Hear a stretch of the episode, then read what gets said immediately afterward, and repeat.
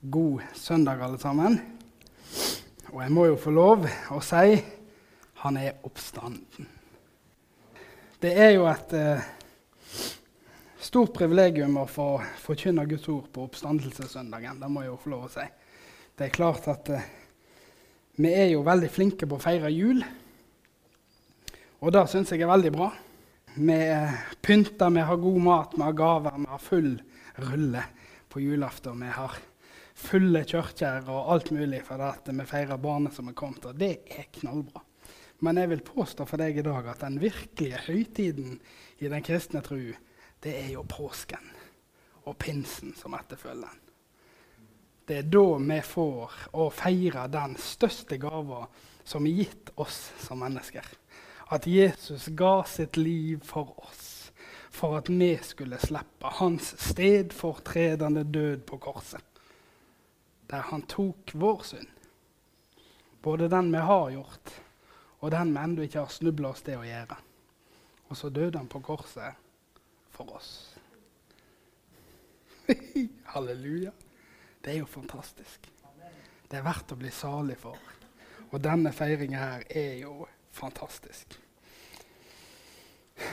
Jesus døde jo for å gjenopprette vår plass i Guds skaperverk. Eh, og jeg har faktisk lyst i dag når jeg skal forkynne, å gå tilbake igjen til begynnelsen eh, og ta litt, litt tid på å snakke om de tingene der. fordi jeg vil gå helt tilbake til Adam og Eva som levde i hagen. De første menneskene hadde fri tilgang til Gud. Gud vandra i hagen med de første menneskene i en ansikt-til-ansikt-relasjon. De fikk oppleve denne levende relasjonen med en levende Gud. Ingenting var skjult. De var jo nakne til og med. Sykdom, lidelse, smerte, hadde ingen plass i denne konteksten som vi nå er i i Edens hage. Mennesker fikk oppleve Guds herlighet fullt ut. Høres ikke da fantastisk ut? Gud sa til mennesker at de kan nyte av all frukt i hagen bortsett fra ett tre, som var kunnskapens tre om godt og ondt. Om mennesket åt av det treet, så skulle det dø, var beskjeden fra Gud. Og vi kjenner jo bibelhistorien, hvordan slangen kom og frista mennesket eh, og fortalte løgnhistorier om dette treet. Slangen han sier at det skal slett ikke dø. Hvis jeg spiser dette treet, her, det skal forbli som Gud lik. Gud han veit at hvis det spiser av dette treet, så blir det lik Gud. Og det vil han ikke. Så djevelen han klarer jo da å lure mennesket til å tenke at Gud prøver å holde noe tilbake for dem. Noe de egentlig eh, hadde hatt veldig godt av å ha del i.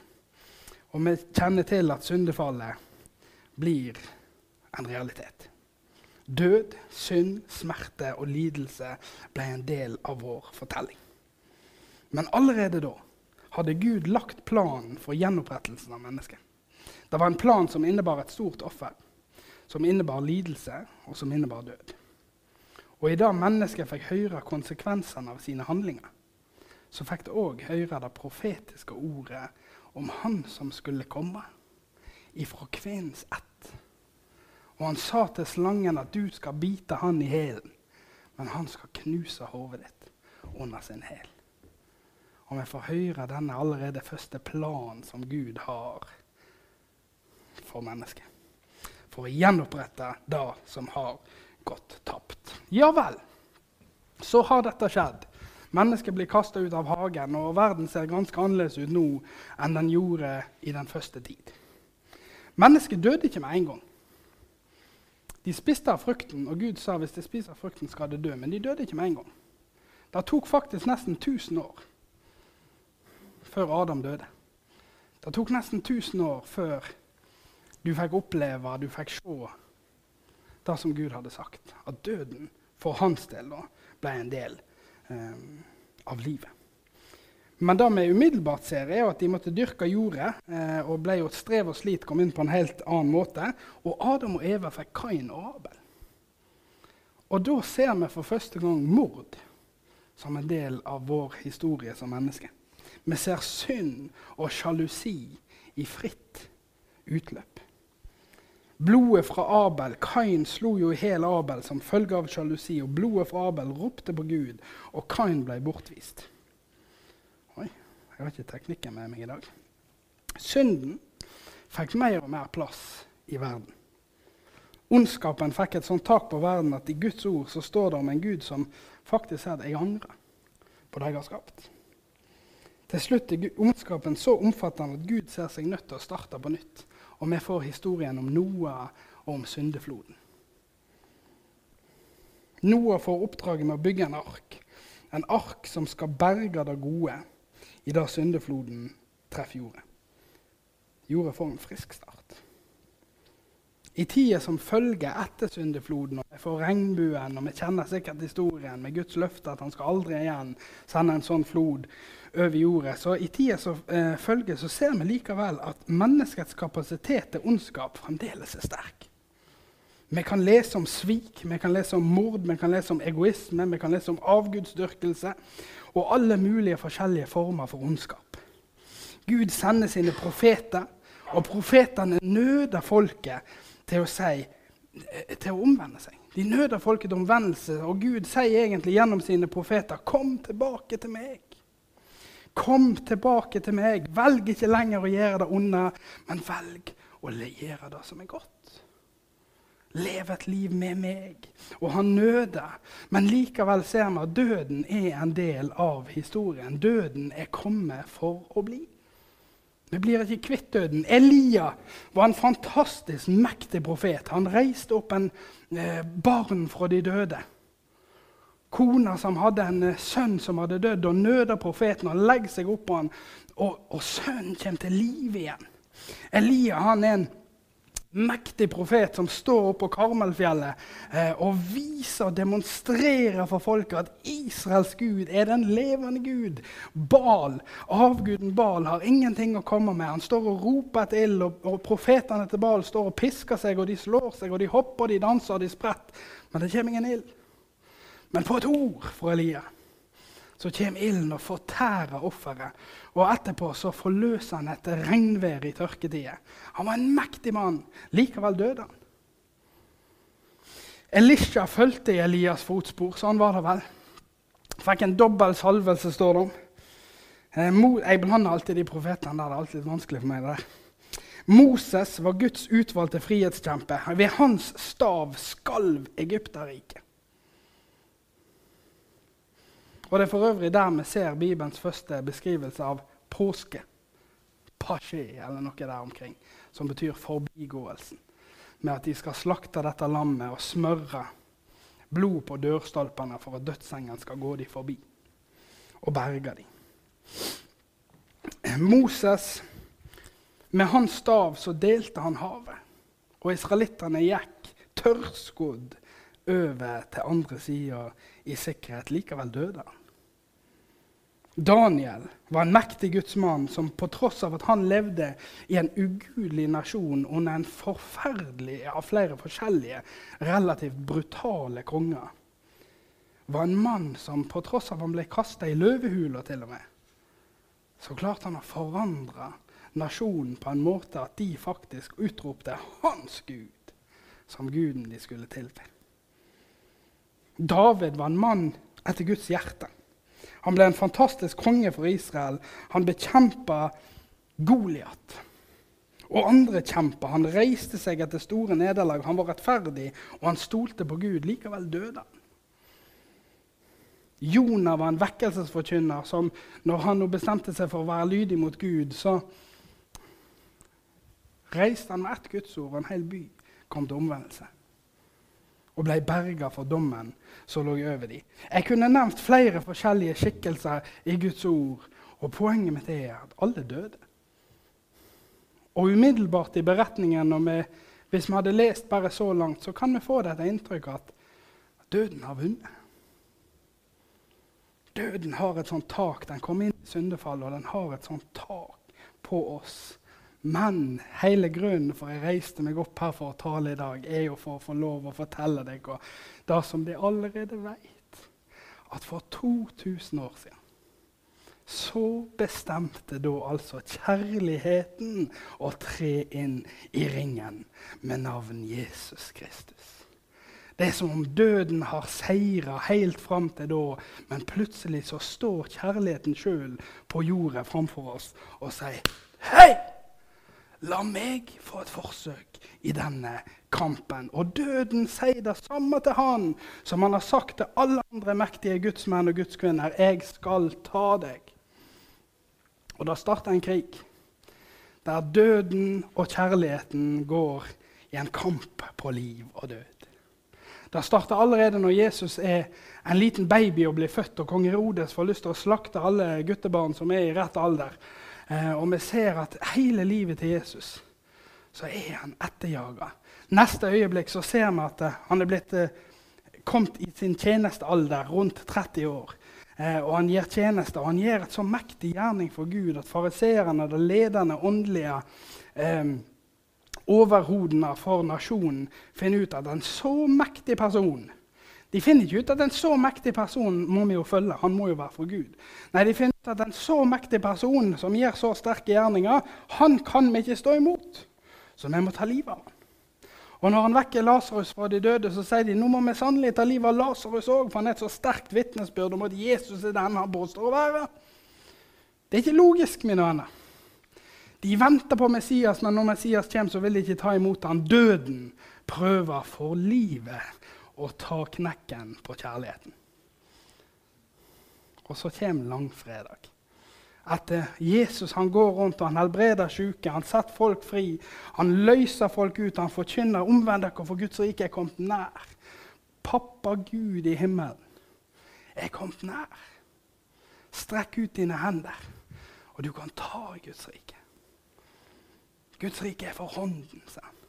Strekk deg ut, og du kan ta det. Han går og forkynner, han helbreder. Han ødelegger fiendens gjerninger på denne jorda. Han går rundt og gjør godt, og så til slutt så kommer langfredag. Som alle vet der Ja, ja, vi får si det sånn, så kommer skjærtorsdag. Der Judas virkelig bestemmer seg for nå skal jeg selge Jesus for mine 30 sølvpenger og døden jubler. Kan dere se det for dere? Mm, yes! I tre år har jeg nå fått juling av Jesus, men nå fikk jeg en av hans egne. Nå har jeg det. Og Judas leder soldatene eh, opp i hagen der Jesus har bedt om å få slippe den lidelsen han nå står framfor å slippe. Men ikke etter min vilje, la din vilje skje. Eh, og de kommer og de arresterer han. Han får en forferdelig urettferdig rettssak. det vet vi alle. Han blir piska, han blir slått, og han blir nagla på korset. Det ser ut som døden har vunnet. Det som jeg kan høre for meg i mitt indre hvordan døden håner Jesus der han henger på korset. Se, jeg klarte å gjøre det samme med deg som jeg gjorde med alle andre. Husker du Abraham? Husker du Moses? Husker du David? Husker du alle som Gud har sendt? Har jeg nå i mitt rike, for å si det på den måten. Det blir mørkt på Golgata. Og jeg tror faktisk jeg skal slå opp i Lukas kapittel 23. Skal vi se Vers 44. Det var alt kring den sjette timen. Da fall det et mørker over hele landet. Og mørket lå til den niende timen, for sola lyste ikke lenger. Forhenget i tempelet rivna midt i to, og Jesus ropa med høg rest. Far, i dine hender gjev jeg mi ånd. Med disse orda anda han ut. Da offiseren så det som hendte, lova han Gud og sa denne mannen var sannelig rettferdig. Men alle som kjente ham, sto langt borte og så på. Jesus dør alene på korset. Mørket samler seg, det blir en solformørkelse. Solen lyser ikke engang når Guds sønn dør på korset. Døden fryder seg. Og for å si det litt eh, banalt, mine kjære venner, så begynner døden en fest. Og dette er ikke bare en sånn koselig fredagsfeiring. Dette er en tredagersfest. Det er full rulle. i dødsriket. De jubler og de feirer, for de har klart å ta til og med Guds sønn. Og fredagen går, og det er god stemning, og lørdagen går, og det er kjempegod stemning. Men på søndag morgen, den dagen vi er her for å feire, på søndag morgen står kjærligheten sjøl i dødsriket. Kan du se han for deg? Kan du se han for deg der han står i all sin herlighet med dødens porter? Jeg ser for meg hvordan døden er sjokkert. Denne geniale planen de har hatt om å ta livet av Jesus, for da får de virkelig kontroll på menneskene for evig og alltid, har slått fullstendig feil. Jesus står der. Lyset har kommet ned til mørket. Og døden har ingen alternativ annet enn å bøye kne for vår konge. Han som er kongenes konge, han som er herrenes herre. Og han sier til døden 'hit, men ikke lenger'. Jesus slo døden. Han beseirer døden. Han knuste døden. Og han reiser seg opp igjen fra de døde med all makt i himmel og på jord. Jeg har sikkert brukt dette bildet før her på Betel, men det fins en betegnelse i, i, Guds ord som kalles for Davids nøkkel. Det er nøkkelen, og det er en symbolikk med dette her, at når mennesket falt i den første tid, så mista de nøklene, og da representerer det autoriteten til jorda. Det fins en makt som Adam og Eva var gitt, som de mista over til Satan når de falt for hans fristelse. Når Jesus står nede i dødsriket og har dødd for vår synd, og han som den andre Adam har tatt på seg og gjort det den første Adam ikke klarte, så står han framfor fienden sjøl, som skjelver i frykt for den levende Gud som vi får høre til. Og Jesus forteller han, 'Gi meg nøklene'. Og han får vunnet tilbake det mennesket hadde tapt, for å få gjenoppretta den posisjonen vi en gang hadde. I tusenvis av år har Gud gått og lengta til denne dagen der han skulle få rydde av bana den synden som skilte oss, i å få komme inn i hans nærhet. Og det skjer denne søndagsmorgenen, denne søndagsmorgenen når døden feirer og tror at vi har i sannhet vunnet over Guds egen sønn, så feier han de av banen og sier sjakkmatt. Det er så genialt spill ifra vår Gud at til og med ikke Magnus Carlsen hadde sett det komme. Det er sjakkmatt. Den makten han avvæpner Bibelen bruker denne eh, terminologien her at han avvæpner maktene og myndighetene. Så død, hvor er din brodd? Vår frelser har stått opp. Amen. Det er til å bli begeistra av. Hvis jeg blir litt overbegeistra i dag, så får det bære med, med meg. Dette er min favorittdag i løpet av året. Kanskje med unntak av én dag, og det kommer når pinsedag kommer. Kroner på å, Jeg skal ikke gå inn der. Jeg håper jeg skal forkynne på pinsedag. Det får vi se. Vår Frelser har stått opp. Og da har jeg lyst til å spørre dere, kjære forsamling, hva var det som motiverte Jesus til å gå gjennom den lidelsen på korset? Hvorfor vil han gå gjennom den lidelsen han gikk på korset? mine kjære venner? Jo, det er på grunn av deg. Faktisk du som sitter her akkurat nå. Han så deg på forhånd av korset. Så så han at du skulle sitte på Betel og feire eh, oppstandelsessøndagen i 2019. Og han sa den personen må jeg ha tak i. Den personen må jeg ha tak i. Han så alle de kristne, ca. to milliarder, mener noen, som lever på den jord i dag. Og tenk på alle som har gått vekk herifra. Han så skaren av mennesker. Han sa da må jeg ha tak i det. Det fins ingen pris for stor å betale for at jeg kan få fellesskap med de. Det samme som han hadde i Edens hage, der han vandrer ansikt med ansikt med menneskene. Da har han lengta etter helt siden syndefallet skjedde. Han lengter etter fellesskap med oss alle. I dag roper fremdeles Hør! I dag roper fremdeles kjærligheten ut sitt budskap til oss mennesker. Han sier, 'Kom tilbake til meg. Kanskje har vi gitt våre liv til han, kanskje har vi blitt frelst, for å bruke den terminologien der. Men likevel så tror jeg ofte det kan snike seg inn ting i våre liv som gjør at ja, vi er hører Jesus til. Vi er frelst, vi er på vei til himmelen. Det er kjempeflott, fantastisk, halleluja. der skal vi få det fint. Men likevel så lever vi lenger vekk fra han enn vi kunne. Det fins ting i våre liv som hindrer oss for å tre inn i det fellesskapet som kan sammenlignes i alle fall på mange måter med det fellesskapet Adam og Eva opplevde i begynnelsen. Det fellesskapet der du kan føle deg 100% omfavna av den levende Gud. Der du kan kjenne hans kjærlighet til deg på en måte som gjør at du ikke tviler. Er Gud glad i meg? Ja, det kjenner jeg. Bibelen forteller meg det, og jeg tror det. Ikke bare lite grann, men på ordentlig. At vi kan få oppleve den farskjærligheten som aldri svikter. Kjærligheten roper ut til oss 'Kom tilbake til meg'.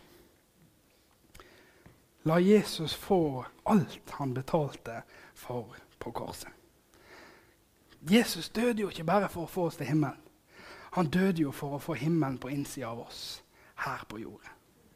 Evige liv. Hva er det evige liv? Jo, det er å kjenne Han. Det evige liv begynner ikke engang når vi dør. Det evige liv begynner når du tar imot Jesus. For det evige livet er å kjenne Han. Vi tjuvstarter på evigheten, mine venner. Vi er ikke lenger av denne verden, men vi er i denne verden.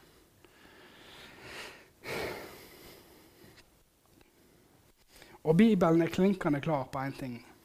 La meg bare få sagt det. Tydelig og klart. Vi har alle synder og står uten ære for Gud. Romerne 3,20 med alle synder står uten ære for Gud. Uten Han kan vi ingenting gjøre. Og Av og til blir vi redd for å snakke om synd. Vi liker ikke å snakke om synd. Det høres fælt ut å snakke om synd. Det er fantastisk å snakke om synd! Og Det er ikke fordi vi skal kjenne på fordømmelse og elendighet, men det er fordi vi skal få lov å kjenne på den virkelige oppstandelseskraften som Jesus har for den enkelte. For ja, vi har alle synder, og står uten ære for Gud, men vet du hva som skjer når du bekjenner dine synder? Da er Han trofast, og Han setter deg fri. Av og til så er det en løgntanke som har sneket seg inn i våre rekker, om at Gud på en eller annen måte ikke vil at vi skal leve fulle liv. Gud vil vi skal leve veldig asketiske og triste liv. Det er bare tull. Gud vil at vi skal leve fulle liv. La meg få lov å fortelle deg at i hagen var det ikke bare ett tre de kunne ete av, og ett tre de ikke kunne ete av. Det var haugevis av tre de kunne ete av, men kun ett tre de ikke kunne ete. Gud er en overflodsgud, og han vil det beste for oss. Og han veit hva som er det beste for oss måtte vi få det hjertet og lysten å virkelig kaste oss på Han med alt vi er, og alt vi har. La meg avslutte med tre kjappe poeng. Gud viser oss sin kjærlighet ved at han døde for oss mens vi fremdeles var syndere. La det være Jeg tror at Bibelen så tydelig prøver å kommunisere til oss. Dette som Paulus uttrykker på denne måten, at der synden var stor, er nåden større. La oss være klinkende klar på at det var ikke vårt eget initiativ. Det var ikke vår egen rettferdighet, vår egen gudsfrykt, vår egen hva det enn måtte være, som dro på Gud. Det var Han som dro på oss. Det skal være til en oppmuntring for oss. Vi kan slite oss ut når vi holder på i vår egen kraft og vår egen styrke og skal finne på kruttet på nytt. Nei. Vi skal få leve for Han, men det var Han som tok initiativet. Han viser sin kjærlighet, og den er uforanderlig. Disiplene sitt nederlag, poeng to. Disiplene sitt nederlag i den avgjørende timen ble ikke avgjørende for deres framtid. Peter er kanskje den som var mest uh, aktualisert i dette, her, fordi han hadde den sterkeste bekjennelsen. Uh, sånn var jo Peter. Om alle andre forlater deg, så svikter jeg deg aldri, for jeg er Peter Klippe. Men hvem var det som fornekta han? Tre ganger. For han ble så redd når Jesus ble tatt. Jo, det var Peter. Men vi ser at når Jesus står opp igjen fra de døde, så møter han Peter. Og Peter får tre ganger få lov å svare på spørsmålet 'Elsker du meg, Simons sønn?' Og han får svare ja. Peter ble en mektig kjempe i Guds rike. Våre nederlag hittil i livet er ikke avgjørende for den framtida vi har. Gud er en mester på å gjenopprette alle ting. Og Guds planer Siste poeng. Guds planer går langt over våre planer. Det som kan se ut som et forferdelig nederlag og en umulig situasjon for oss, det er ikke umulig for Gud. Gud han kan vinne uansett hva kort han har på hånda, for å bruke den terminologien. Hvis du spiller idioten med Gud, hadde spilt idioten, ja, da taper du hver gang. Har ikke noe å si hva han har i bordet der. Gud kan vinne uansett hva han har på hånda. Når Jesus hang på korset, var det ikke én disippel som trodde at nå har vi skjedd et heftig mirakel her. Nå har vi beseira. Nei, det ingen trodde på det. Men Gud visste. Dette var perfekt. Og til og med de største fiendene til Gud de endte opp med å bare spille rett inn i hans plan.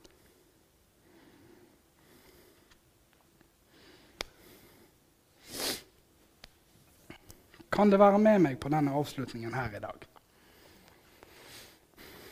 Kan vi ta noen minutter og bare feste vårt blikk på Jesus? Om du vil lukke dine øyne, om du vil legge en hånd på ditt hjerte, følg deg fri til det, helt på si. Og la oss be om at Hans kjærlighet skal åpenbares for oss i enda større mån denne oppstandelsessøndagen. At vi skal få se enda mer av Hans verk for oss, og hva det betyr for våre hverdager i dag. Og kanskje vil Gud minne deg om noe. Kanskje vil han tale om noe som du kan få lov å legge ifra deg i dag. Noe du kan få lov å legge for hans føtter. For å få lov å vokse i dette nåde og kjennskap til han.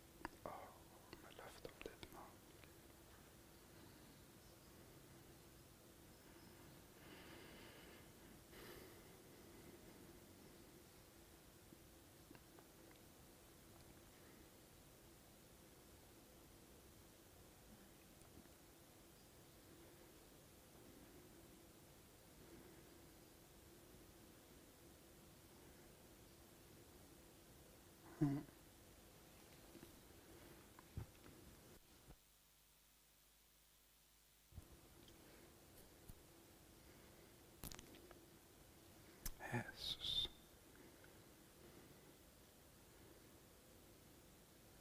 Takk, Herre, for at du taler til den enkelte.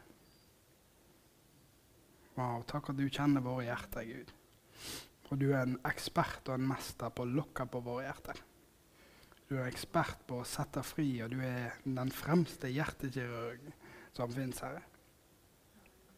Jeg ber om at denne oppstandelsessøndagen for oss skal føre oss enda et skritt nærmere deg. Om vi har ting i livene våre som hindrer fylden av det du har for oss, så ber jeg om at du adresserer det i dag.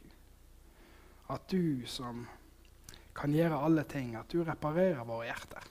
Der vi har fått hardhet, der tidens tann har tært på Gud. Der ber jeg om at du vanner og du mørner opp igjen. Så vi kan få lytte til de stemmer, så vi kan få erfare din kjærlighet i rikt monn i våre liv. Der mismodighet har fått sneke seg inn, Gud, der ber jeg om at du skal forløse ditt håp.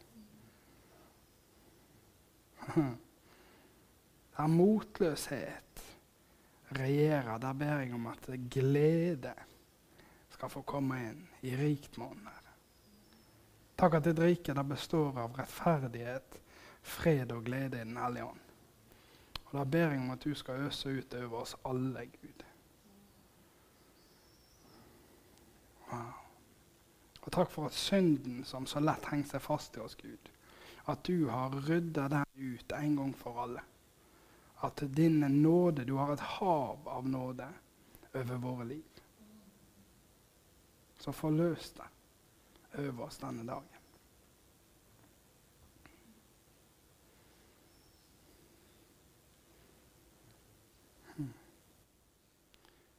Og pris hans navn, for han er vår Gud. Og pris hans navn i evighet, for alltid vil sangen stige